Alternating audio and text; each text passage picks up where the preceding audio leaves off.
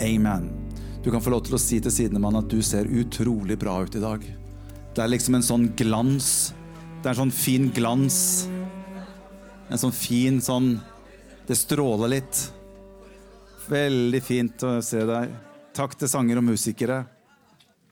Godt å se dere alle sammen. Jeg, jeg, kom på en historie. Kan jeg bare fortelle den før jeg begynner? For jeg, det, det, er litt, egentlig litt oppimot det som jeg snakket om forrige gang. Dette med at eh, ordet om korset er det som setter mennesket fri. Eh, og at jeg tror nok at eh, det at vi deler noe om Jesus, er veldig viktig.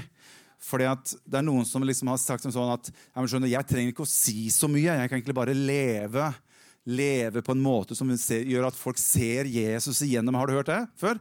Jeg kan bare leve på en sånn måte at folk ser bare Jesus igjennom meg. Og Jeg bare hørte en historie som jeg synes er veldig bra. for Det var en som hadde fulgt det prinsippet, hadde jobbet på en arbeidsplass i 15 år. Og hele tiden ba for sine kollegaer, men han ønsket måte, å leve på en måte som gjorde at folk bare så liksom, Jesus igjennom livet hans. Så når disse 15 år var over, og han hadde i ferd med skulle avslutte, og han hadde og kommet til dagen hvor han skulle liksom pakke sammen sakene sine på jobben, og han hadde enda liksom ikke fått på en måte en sånn slags form for sånn bønnesvar, et eller annet noen på en måte hadde liksom, si, sett Jesus. da, så han, eh, han, var fortsatt liksom forventende om at han trodde at ja, det, han kom til å få sin lønn på en måte i forhold til at han skulle leve, og at folk skulle se Jesus igjennom livet hans. Så når han driver og pakker sammen sakene sine på jobben, så kommer det en arbeidskollega som han har vært sammen med lenge, borte han inn på kontoret. Så sier han du, vet du, jeg må, jeg må bare, kan jeg få bare snakke litt med deg? Og da tenker han nå kommer belønningen. tenkte han. Nå er det klart for at nå, det som, prinsippet som jeg har levd etter, nå får jeg belønning. Så kommer han inn på kontoret og sier du, jeg må, jeg, må, jeg må snakke med jeg må spørre deg om noe. Og Han kunne nesten ikke vente. og sier du, jeg må bare spørre om du, Er du vegetarianer?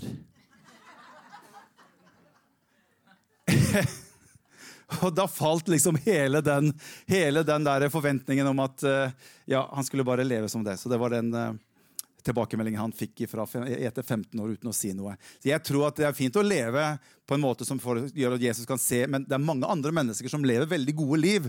Så jeg tror noe av poenget litt dette her, er at vi, vi, vi, må komme til det punktet hvor jeg kan få lov til å snakke og si noe om Jesus også. Og ikke bare at han skal liksom leve igjennom meg, og så skal folk på en måte oppdage han på en eller annen måte gjennom livet vårt. Så det var, Den kan du ta med deg videre, den historien der. Ok, Nå, jeg, nå hørte jeg det var masse som lo hjemme hjemmene hvor de sitter og ser. Nå var en sånn kjempelatterbrøl som var eh, i, i hjemmene rundt. Så godt å se dere som, si, som er uh, koblet på kanalen og som sitter et eller annet sted og følger med. Vi skal gå inn i siste del i denne serien som jeg har kalt for Hva er evangeliet?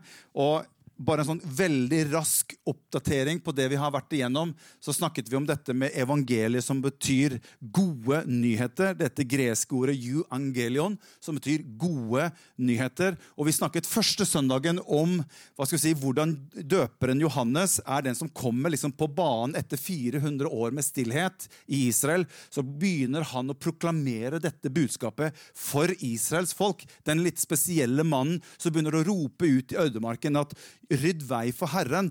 Tiden er kommet. Guds rike er kommet nær. Omvend dere, sier han til folket. Og folket kommer til Johannes døperen, og de blir døpt og de blir omvendt for dette riket som skulle komme. Og det var så tett innpå at allerede mens Johannes på en måte står i sin tjeneste og forkynner at det skal komme en etter meg, så kommer jo han faktisk mens han står og preker. For mens han står og døper noe, så plutselig så sier Johannes Der er han jo! sier han jo. Der er Guds lam. Han er kommet, han er her nå. Det er han som jeg egentlig har ryddet vei for. Han som kommer etter meg, han er allerede kommet. Og så, og så, så vi det at Jesus han fortsetter jo egentlig samme si, tale som det Johannes døperen gjør. Så når han begynner å preke, så sier han også Guds rike er kommet nær. Omvend dere og tro på evangeliet. Og Det er jo gjennomgangstonen til Jesus når han forkynner. At han går rundt og så forkynner om dette. Tiden er kommet til dere. Guds rike er kommet nær. Omvend dere og tro på evangeliet. Så Det var det vi snakket om første gang. Forrige søndag så snakket vi litt mer om Paulus eh, og romerbrevet, eh, kapittel 1 og fra vers 16, hvor Paulus skriver disse fantastiske setningene om at, at eh, jeg skammer meg ikke over evangeliet, for det er en Guds kraft til frelse for hver den som tror. Og, og opp, denne oppsummeringen som Paulus gir i romerbrevet, er fantastisk. Og vi snakket om dette med at det fins en kraft i evangeliet.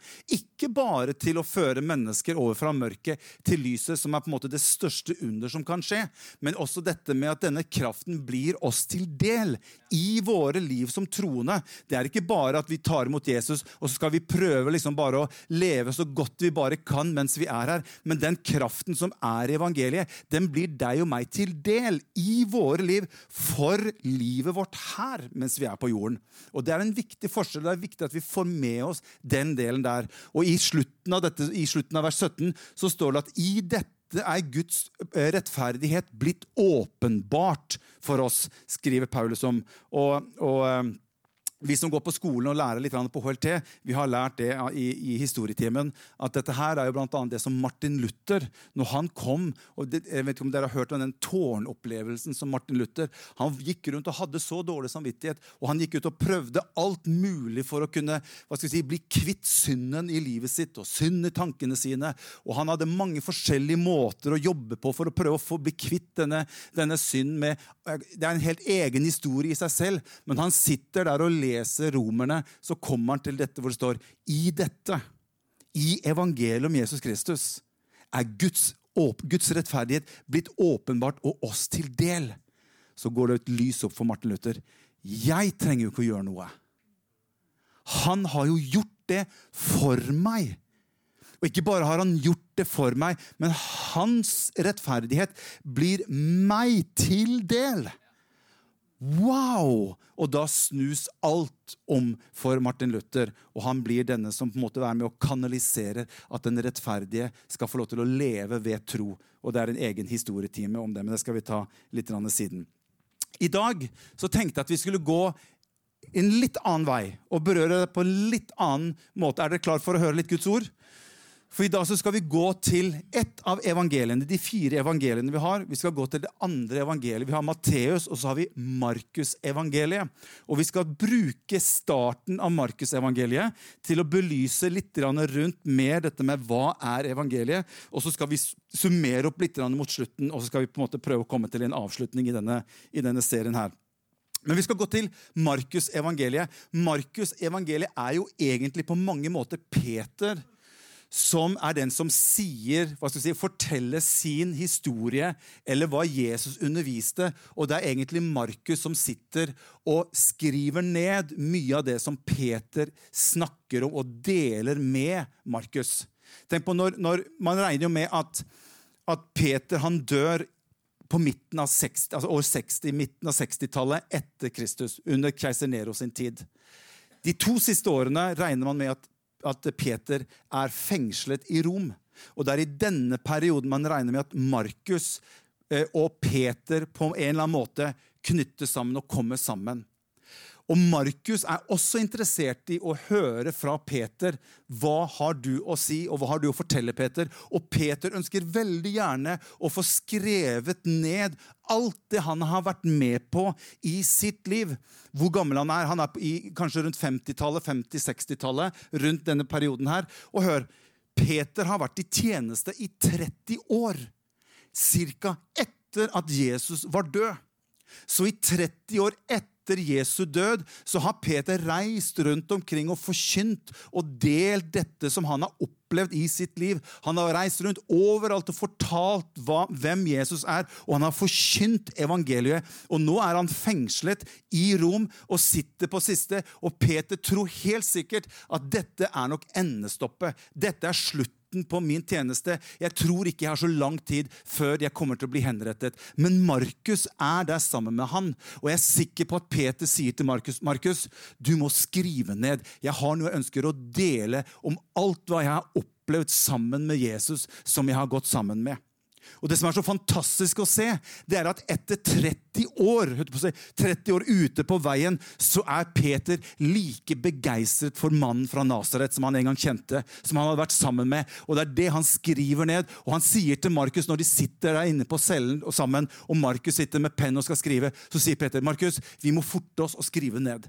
Jeg vet ikke hvor lenge jeg har igjen. Jeg vet ikke hvor lenge du og jeg kan sitte sammen her og snakke. Så vi må bare få det ned. Og hvis du leser Markusevangeliet, så er Markusevangeliet veldig lite kronologisk i orden. Det er litt fram og tilbake, litt, de hopper litt fram og tilbake. Men jeg tror bare Peter sier, 'Markus, du må bare ta det.' Jeg bare deler, og så skriver du ned så, så godt du bare kan, og så får du alt ifra meg. Og Markus og Peter, jeg tror de har noen fantastiske timer sammen hvor Peter får dele litt hva han har opplevd. Og Det er det som kommer til syne i Markus evangeliet. Og Vi skal gå til første vers i Markus, kapittel 1. Og Jeg er bare fascinert over hvordan Peter starter hele denne dialogen. Hele dette som han skal dele etter 30 år på veien. Han har vært med å se Jesus, han var med å se Jesus dø. Han så hans oppstandelse, og nå har han selv vært ute og forkynt evangeliet i 30 år. Og Så sier han der til Markus ok, Markus, begynn å skrive dette her. Ok, eh, Her begynner evangeliet. Hva er evangeliet for noe? De gode nyhetene. Etter 30 år på veien, etter 30 år har han reist rundt og fortsatt er det som kommer først ut av Peters munn. Her er de gode nyhetene. Markus, det er fortsatt gode nyheter. Og Peter bare fortsetter, og sier han om Jesus Kristus. Guds sønn. Og Markus sier til Peter, Peter er, er du fortsatt overbevist om at Jesus er Guds sønn? Ja, Markus, sier Peter. Jeg er fortsatt helt overbevist om at han som jeg var sammen med, han som jeg en gang faktisk sa du er Messias, den levende Guds sønn, Markus, han er fortsatt Guds sønn. Og jeg har vært med å se nå i 30 år, hvor jeg har forkynt evangeliet rundt omkring overalt her, hvordan Gud går fram, og tusenvis av mennesker har tatt imot han til frelse. Jeg har fått lov til å være med å se, som vi sang her i sangen, se mennesker bli satt i frihet. Dette er evangeliet. Dette er fortsatt gode nyheter, Markus. Og så begynner Markus og skriver ned, for Markus er interessert i å høre med Peter. Peter, hva er det Jesus forkynte for noe? da? Hva, hva, er budskapet til Jesus som du var sammen med? Jo, nå skal du høre her, sier Peter. Og Så går vi videre i vers 14 i Markus.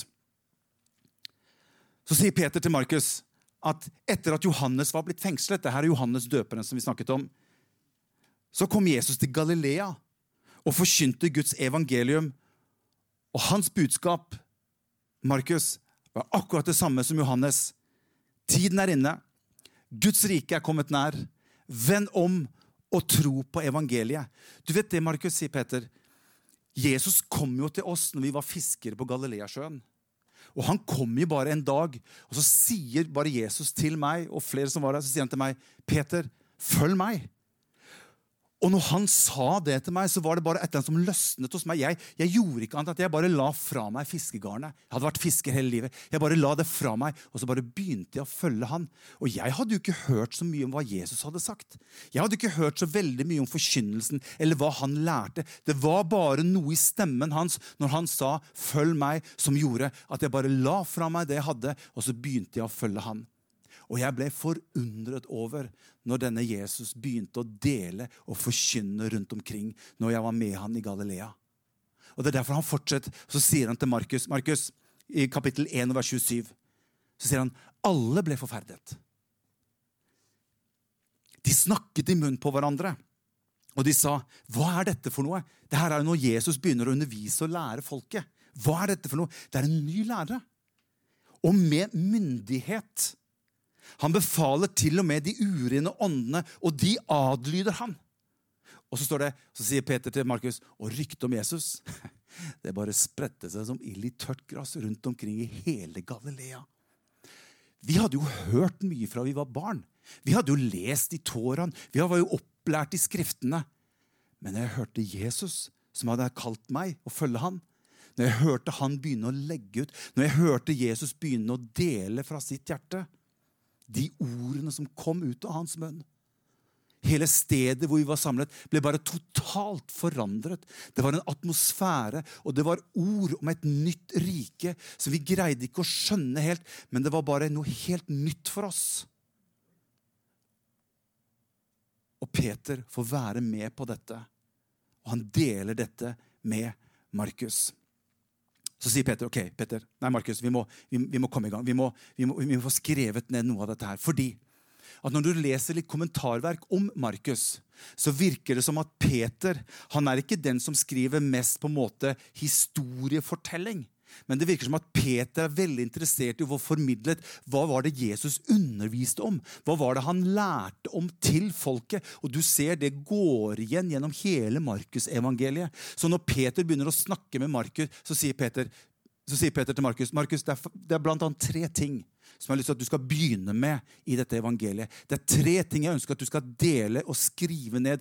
Tre områder som bare revolusjonerte oss, og det revolusjonerte inn i samtiden når vi begynte å følge Jesus. Vi var jo ikke så mange, som han sa. Vi bare var noen få i starten oppe i Galilea som fulgte Jesus. Og Det var tre ting sier Peter til Markus, som gjorde at denne Jesus var annerledes. Han kom inn, For det første så begynte han å bryte med den politiske og den religiøse lov som var en del av Israel på den tid. Han kom inn, begynte å bryte opp med det. Det var jo ikke populært. Og For det andre så begynte Jesus han gikk inn i menneskets situasjon, og han begynte å tilgi synd. Og for det tredje så hadde han, et, han hadde, han hadde en sånn så inkluderende holdning i det han snakket om og det han delte. Og han var så inkluderende så at alle følte seg inkludert i hans budskap. Dette var radikalt for folk å høre. Og Så sier Peter jeg har lyst til å bare vise deg tre episoder som illustrerer dette. her. Og Så forteller Peter vi er oppe i Galilea, der hvor jeg er fra, sier Peter. Og En dag vi er ute og går, så kommer det en spedalsk til oss. Han kom litt fort på, for vanligvis så pleier jo de spedalske å rope 'spedalsk', 'spedalsk', nettopp for at vi skal ha mulighet til å komme oss unna. Men denne her, han kom liksom veldig raskt på. Og jeg husker Han kastet seg ned for Jesus sine føtter. Og Så sier den spedalske til Jesus, 'Om du vil, Herre, så kan du gjøre meg ren.' Og Jeg, Peter, jeg syns han var litt for tett på Jesus. For vanligvis så skal du ikke være i nærheten av de som er spedalsk. Og du skal absolutt ikke røre borti de. Og så ser jeg jo at Jesus istedenfor å gå litt lenger unna, han begynner å nærme seg den spedalske. Og så begynner han å ta fram hånden sin, og tror du ikke, han rører borti den spedalske. Jeg hadde bare tenkt å si nei, nei, nei, nei Jesus, ikke rør den spedalske. Du kan ikke gjøre det. Du blir ure. Vet du ikke hva loven sier? At du skal ikke røre borti noe som er urent. Men han gjorde ikke det. Han brydde seg ikke om det, og han går bare bort, og så rører han ved den spedalske. Og vet du hva han sier, Markus? Han sier, 'Om jeg vil'. Om jeg vil. Det er klart jeg vil. Bli ren. Og midt foran øynene på oss så reiser denne mannen seg, som var spedalsk. Og han er fullkomment helbredet. Og Så tar Jesus han i armene, sier, sier Peter. Så tar Jesus han i armene, og så kan vi lese om hva som står i vers 43. For Jesus tar denne spedalske etter han har blitt ren. Så sier han, så talte han strengt til han og sendte han straks bort. Så sier Jesus, se til at ikke du sier ett ord om dette til noen. Men gå vis deg for presten og bær fram de offer for renselsen din som Moses har påbudt. Det skal være et vitnesbyrd for dem. Men mannen gikk av sted og ga seg til å fortelle om det han hadde hendt, og gjøre nyheten kjent vidt og bredt. Stikke motsatt det Jesus egentlig hadde strengt sagt, sagt til han. Og Peter sier til Markus derfor kunne jo ikke Jesus lenger vise seg i noen by. Nei, Han måtte holde til utenfor byene, på øde steder. Men folk kom til ham fra alle kanter. Det så Ryktet om han spredte seg jo rundt overalt, og folket bare kom i tusentalls ut der hvor Jesus var. Jesus rører borti den spedalske og bryter her med Moses. Og Det er det Peter ønsker å få fram. Det er At dette nye riket som hadde kommet med Jesus, bryter noe. Og han sender egentlig denne spedalske til Jerusalem, for du måtte ned til Jerusalem for å gå gjennom denne renselsesprosessen. Og egentlig så skulle jo Jesus, hvis han hadde fulgt loven, så skulle han i og med at han hadde rørt borti denne spedalske, så skulle han egentlig ha fulgt med han på veien, også han, ned til Jerusalem for å gå gjennom en renselsesprosess. For han hadde tatt i noe som var urent, for selv å bli ren etterpå. Men Jesus hadde ikke noe urent i det hele tatt. Jeg trenger ikke gå til Jerusalem. Det som er urent, det gjør jeg rent, jeg, sier Jesus. Vi skjønte ikke, sier Peter. Vi, vi, vi, greide ikke helt forstå hva det var Jesus holdt på med. Og så er det den andre delen.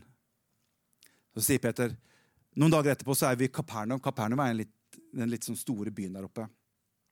Og Jesus han er i et hus. Han har fått låne et litt større hus. han er inne der, Og hør, det var smekkfullt med folk inne i huset. Folk trengte seg på overalt. Inni huset var det smekkefullt. Vi kaller det for sild i tønne. Jeg vet ikke om de brukte det uttrykket der nede, de som var fiskere. Jeg aner ikke. Jeg vet ikke om det var sild i, i Galileasjøen. Jeg tror ikke det. Men vi kan kalle det for sild i tønne. Og ikke bare inni huset, sier Peter, var det folk, men rundt huset. Det var massevis av folk rundt huset sto tettpakket, og det var helt stille. Det var tyst overalt, for alle ønsket å prøve å høre ordene fra Jesus når han underviste inne dette huset her. Og dere kjenner til historien om disse fire gutta som kommer bærende på denne lamme mannen. Og Peter sa jeg var der. Jeg, ser, jeg har jo noen ganger tenkt på hvor er huseierne oppe i, i bildet her, liksom? For jeg mener, eh, han, De går oppå taket til denne mannen som har et eller annet hus, og begynner å rive opp og ødelegge huset og lager et stort hull. som Mens Jesus står der og underviser, så begynner det å drysse ned masse i ansiktet hans og de som sitter inni der. Og ned firer de en mann som er lam, liggende på en båre rett foran Jesus. Og Peter sier til Markus det begynner å skape seg litt sånn stemning inne i det rommet når denne mannen ligger der på båret foran Jesus. Og så reiser Jesus seg, og så går han bort til denne, denne mannen som ligger på båret. og vet du hva Jesus sier til den mannen? Dine synder er deg tilgitt. Og Peter sier til Markus, da skulle du merke reaksjonen i det rommet. For der var det ikke bare vanlige jøder som satt. Det satt jo også skriftlærere og fariseere som hadde kommet inn der. For de ønsket jo å følge med på hva det er Jesus begynner å undervise om. Og idet han sier 'dine synder er deg tilgitt', så bare merker du det knaker jo enda mer i den bygningen som allerede hadde et hull i taket ifra før. Og det som er litt sånn spesielt, det som vi syns var litt sånn der, oh, scary, sier Peter, det er jo det at én ting er jo det at Jesus kan drive ut onde ånder og rense spedalske, men du, han vet hva du tenker òg. Da begynner det å bli skummelt når du skal følge en sånn mann som det der. For han skjønte, han visste hva folket tenkte i sitt sinn. Og de skriftlige fariseerne og folk som satt rundt der, tenker med en gang Hvem er det du tror du er? Hvem andre enn Gud kan tilgi synd? Ikke er det noe offer for synd her. Ikke er det noe prest til stede som kan utføre tjenesten. Ikke er det noe tempel, og du gjør dette bare i kraft av deg selv. Hvem er det du tror du er? Er du større enn Moses? Og dette visste Jesus at de tenkte i sitt stille sinn rundt omkring. Så sier Peter, så begynte det å bli moro. Nå begynte det å skje ting. Så stiller Jesus bare ut av det blå. Han hadde jo bare lest, han hadde bare skannet gjennom alt som ble tenkt i rommet. Så begynner Jesus å stille de et spørsmål. Og han stiller de et spørsmål, og Hvis vi går til Markus kapittel 2, vers 9, så kommer Jesus med et litt sånn rart spørsmål. Det er ikke et lurespørsmål. Men han sier egentlig rett og slett til folket rundt der, og kanskje alle spesielt til fariseerne og de som sitter der, sier han, Hva er enklest å si til denne mannen som ligger her. Dine synder er deg tilgitt. Eller ta båren din opp og gå. For det var ikke noe lurespørsmål. Det hadde vært enklest å sagt egentlig at din synd er tilgitt, for det kunne du ikke bevise eller se. eller noen ting. Men så begynner Jesus å utfordre dem, og så sier han, men for at dere skal vite at menneskesønn Og så begynner det å knakke i ørene på dem igjen. Nei, ikke si menneskesønn! Et messiansk uttrykk som bare den som er Messias, kan bruke om seg selv. Så det får jo dem til å knirke enda mer når han bruker sånne uttrykk. Men han sier det, men for at dere skal vite at menneskesønnen har makt til å tilgi synd. Og så snur Jesus seg, og så henvender han seg til en mannen som ligger på båren. Og da, jeg, da tenkte Peter, hvordan kan Jesus bevise at han kan tilgi synd? Jo, for den, På den tiden der så var det veldig vanlig å ha en slags form for connection mellom at hvis du er syk, så har du antagelig gjort det synd. Så det var en kobling mellom synd og sykdom. Men Jesus var, den, var ikke enig i det at det hadde en direkte kobling én til én. For det går han imot andre deler i, i, i, Skriften. som du kan se. Men Jesus visste at når synden kom inn i første Mosebok, så står det at død og sykdom ble et resultat av at synden kom inn i verden. Det visste Jesus. Hvordan kunne Jesus gjøre og vise at han hadde makt over synden? Jo, ved å reversere fysisk tilbake den sykdommen som var i denne mannen. Og foran ansiktet på hele den gjengen så sier han, ta opp, reis deg opp Ta båren din og gå. Han hadde allerede tilgitt hans synd, for det, han, det var det første han gjorde. Og foran øynene på oss, Markus, så reiser denne mannen seg opp. Og på nytt igjen Her er han bare fullkomment helbredet. Og, så, og, han går ut foran øynene på alle sammen. Han som blei firt ned i en båre, kommer gående ut gjennom folkemengden fullkomment helbredet.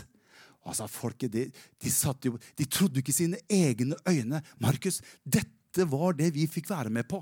Dette var dette riket som Jesus kom og demonstrerte rett foran øynene på oss. Vi må fortsette videre. Tiden går. Noen dager senere, alltid noen dager senere. Jeg tror i det er noen dager senere. I min sånn bibel så er det sånn, eller i min, i min fantasi så er det noen dager senere. Så sier, så sier Petter til Markus noen dager senere så går vi langs med Galileasjøen. Og Jeg var jo kjent der. Kjente jo alle folka. Alle i, i områder, sånne områder som kjenner hverandre. Så møter vi på Levi, som var en toller. Han var Alfeus sin sønn. Og Vanligvis så prøver du å unngå å, å komme i liksom, hilse og liksom si hei, Hvordan går det med deg. Liksom sånn. det, det, det, gjør du i hvert fall med en skatteinnkrever. For han er ute etter pengene dine, og ikke noe annet egentlig utgangspunktet. Men Jesus Nei, du skal ikke bort til Levi. Og Jesus går rett på mot til Levi. Og vet du hva han sier til Levi? Han sier, Levi, kom, følg meg. Og Peder bare Nei, nå, nå, nå, har vi nådd en grense. Nå tar vi timeout, Jesus. Nå, nå, må jeg ta deg litt til side. Nå står ikke det i Skriften, men det er i min historie. min egen historie. Så Peter, nå har vi jo nådd en grense. Det er én ting at vi renser litt spedalske, og vi driver ut noen onde ånder, og vi gjør sånne ting, men, men, men, men vi skal ikke ha med Levi på laget vårt nå. Han skal ikke være en og. Vet du ikke hvem han er? liksom? Det er én ting at du tilgir synd på mennesker som er lam, for de kan ikke få gjort så veldig mye galt. liksom. Men han her, Jesus, vet du hvem han er? Han er en skattenkrever. Han er det verste av det verste, det laveste av det laveste. Ingen liker Levi!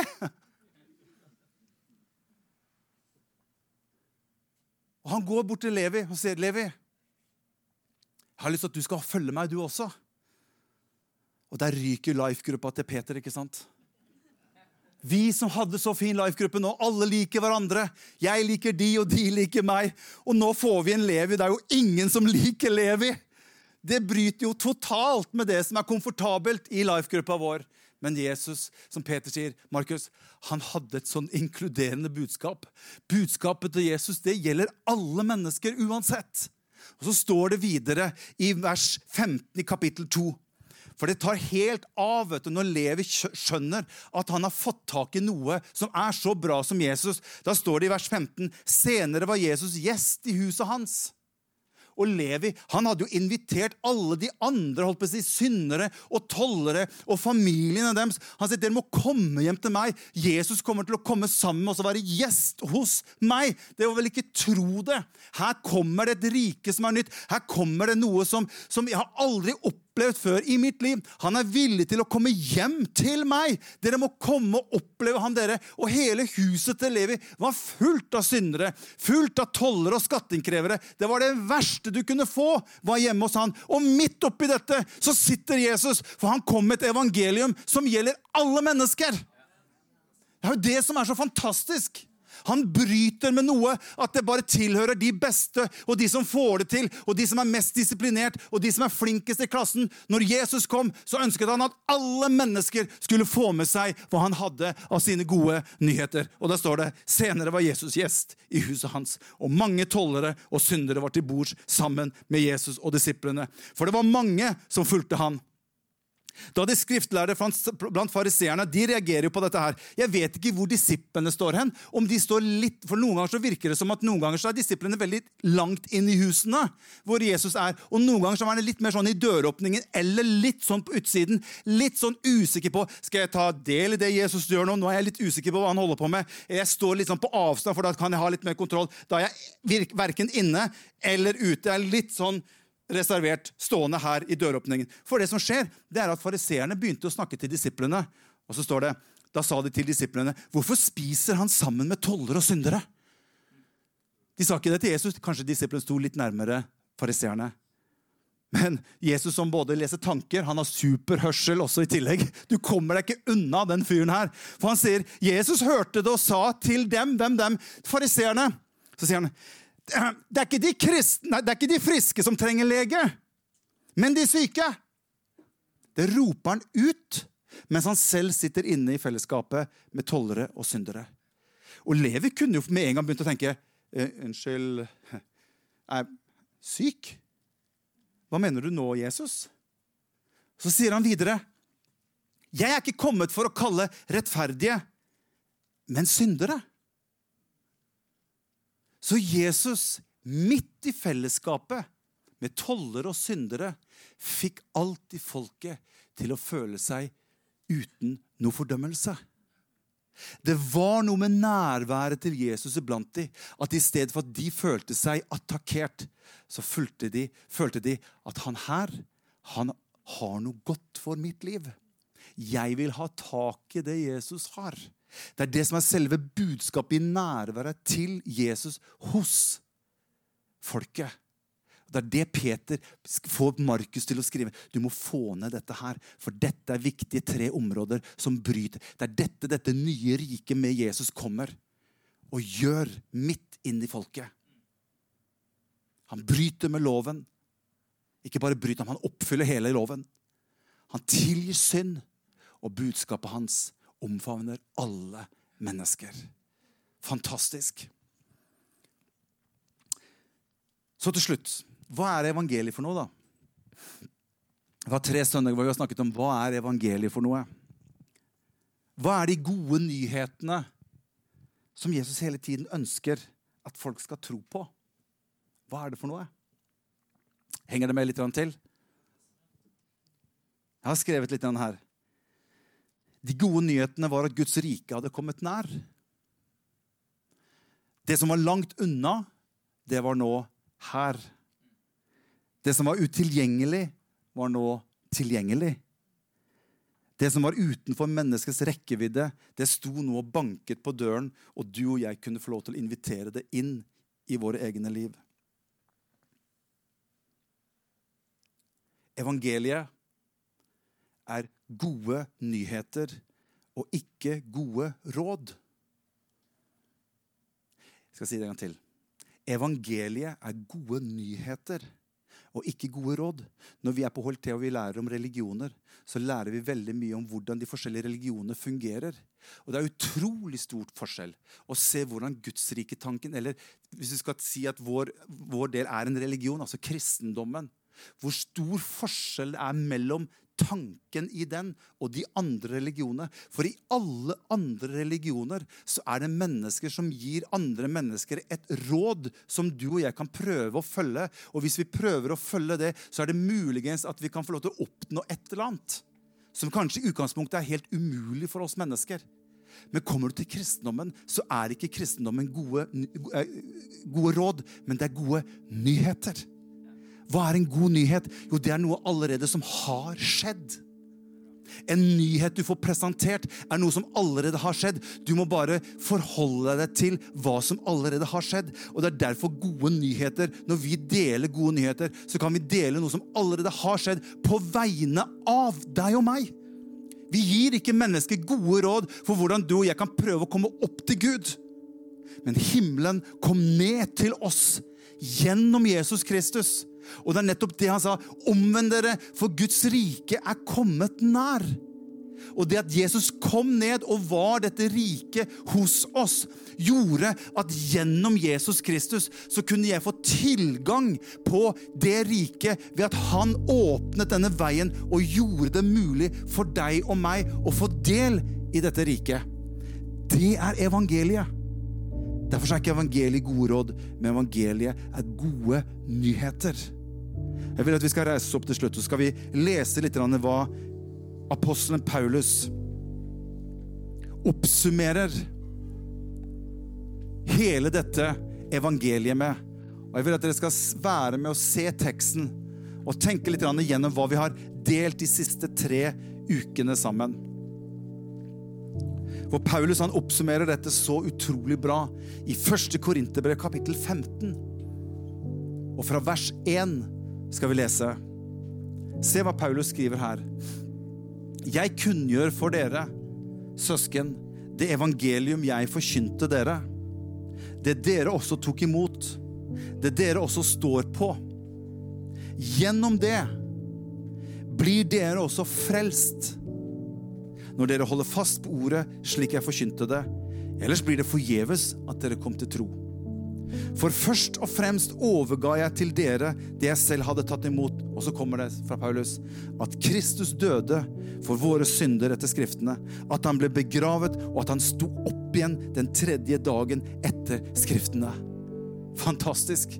Og Så går vi til vers 14, for Paulus er ikke helt ferdig der. Se hva Paulus skriver her, vers 14. Men er ikke Kristus stått opp? Ja, da er vårt budskap tomt og deres tro er også tom.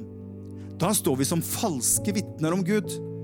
For da har vi vitnet imot Gud når vi sier at han har oppreist Kristus, noe han ikke har gjort hvis døde ikke står opp. For hvis døde ikke står opp, er jo heller ikke Kristus stått opp. Men hvis Kristus ikke er stått opp, ja, da er deres tro uten mening. Og dere er fremdeles i deres synder. Da er også de fortapt som har sovnet inn i Kristus. De som har trodd på Kristus og har dødd. Ja, Hvis ikke Kristus har stått opp, da har jo de trodd på noe forgjeves. Det er jo det Paulus sier her. Og så kommer han helt til slutten. Jeg syns det er bare så fantastisk. Paulus, men, men nå har jo Kristus stått opp.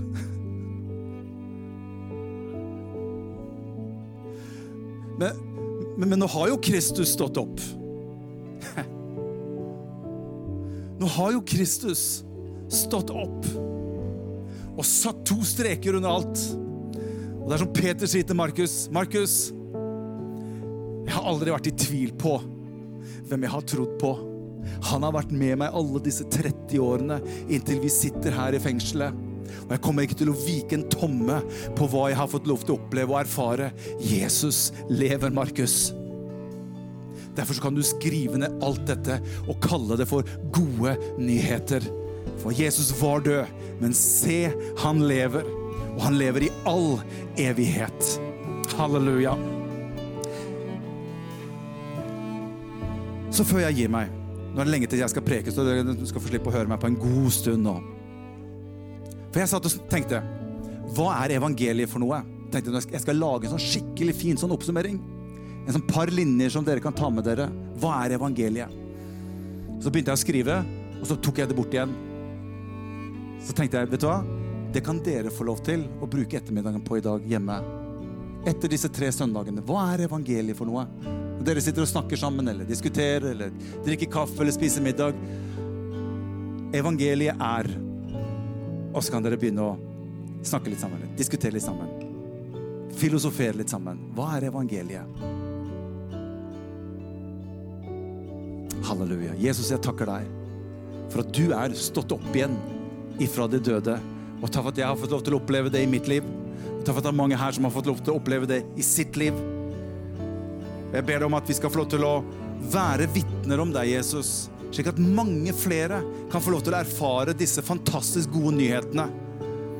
At du kom og gjorde det mulig for mennesket å få kontakt med deg. Takk for alt du har gjort for oss, Jesus. Vi takker deg for det i Jesu navn. Amen.